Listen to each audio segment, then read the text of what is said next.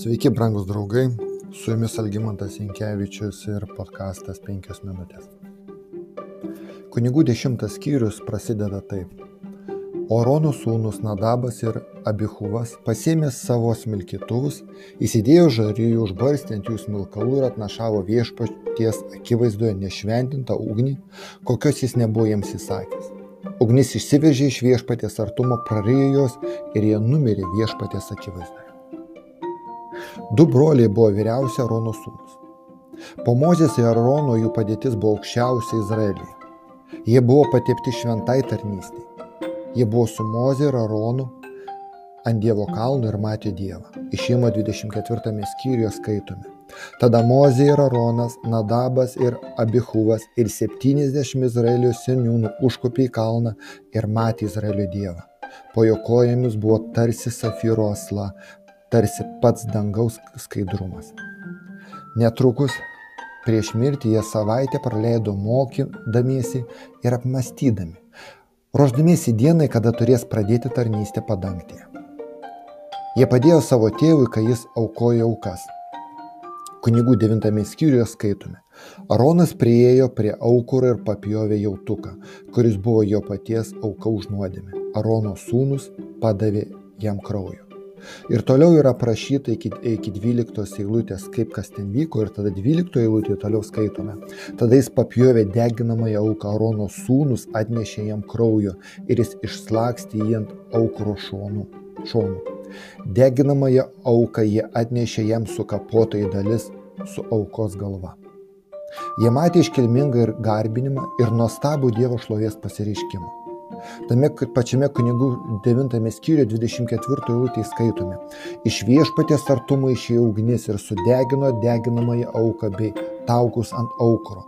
Tai matydami visi žmonės šaukė iš džiaugsmo ir puolė veidų žemę. Jie buvo kruopščiai apmokyti ir gerai susipažinę su savo tarnystės šventumu. Kai atėjo laikas jiems tarnauti, jie padarė tai, ką viešpats Dievas jiems nebuvo liepęs. Daugelis žmonių, daugelis teologų tyrinėjo, kas lėmė šitų brolių kunigų mirtį. Pats tekstas, tekste esantis žodis hebrajų zor, apibūdintis šios įvykius kalba apie svetimą ugnį. Tai reiškia, kad anglis, kurią Nadabas ir Abihuvas įdėjo į savo smilkituvus ir pradėjo su ją tarnauti, buvo paimti iš kitur nors turėjo, buvo, turėjo būti paimti nuo aukuro. Jie labai lengva, lengvabūdiškai žiūrėjo savo šventas pareigas. Bet jei perskaitysime likusią istoriją, e, dvi kitas kunigų knygos vietas, mums šiek tiek daugiau iš, išsiaiškinsime, daugiau bus aišku dėl šios liūdnos istorijos ir galbūt suprasime tiesioginę Nadabo ir Abihuvo bausmę. Kodėl tai įvyko? Ta pačia diena pas viešpats duoda Aronui nurodymus, įspėdamas, ko reikia saugotis Aronui ir jo palikonėms. Kunigų dešimtas skyrius skaitysiu nuo aštuntos eilutės. Viešpats kalbėjo Aronui, tardamas, negerkite vyno ar svaigiųjų gėrimų, nei tu, nei tavo sūnus, kai jums reikia eiti į susitikimo palapinę, kaip vadinu padangtę, kad nenumirtumėte. Tai amžinas įstatas visoms jų kartoms Nes jūs turite daryti skirtumą tarp to, kas šventa ir to, kas prasta, tarp to, kas švaru ir to, kas nešvaru. Jūs turite mokyti izraelitus visų įstatų, kuriuos jiems paskelbė viešpats per mozę.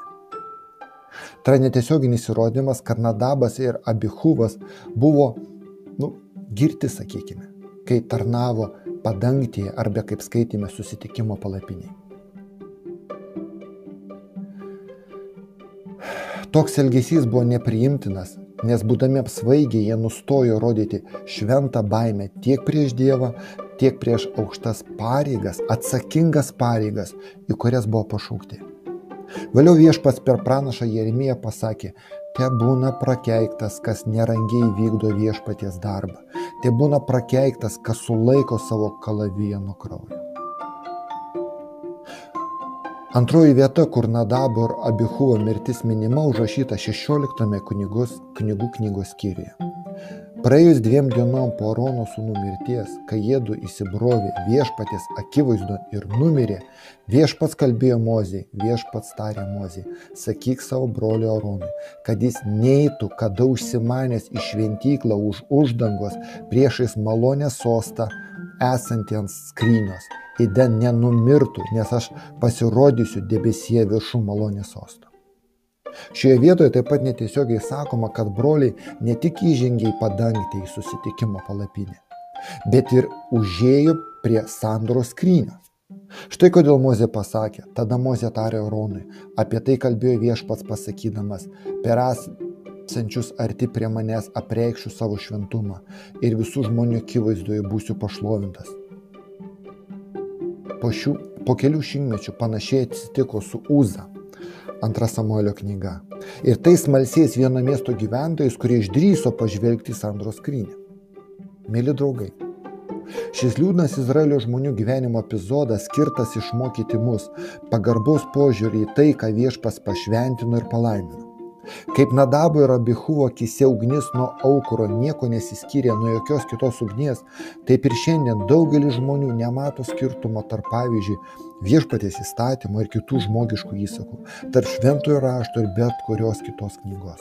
Tačiau skirtumas yra, juk šventasis raštas mums sako, būkite šventi, nes aš esu viešpats, jūsų Dievas, esu šventas. Su jumis buvo penkios minutės ir Algimantas Jankievičius.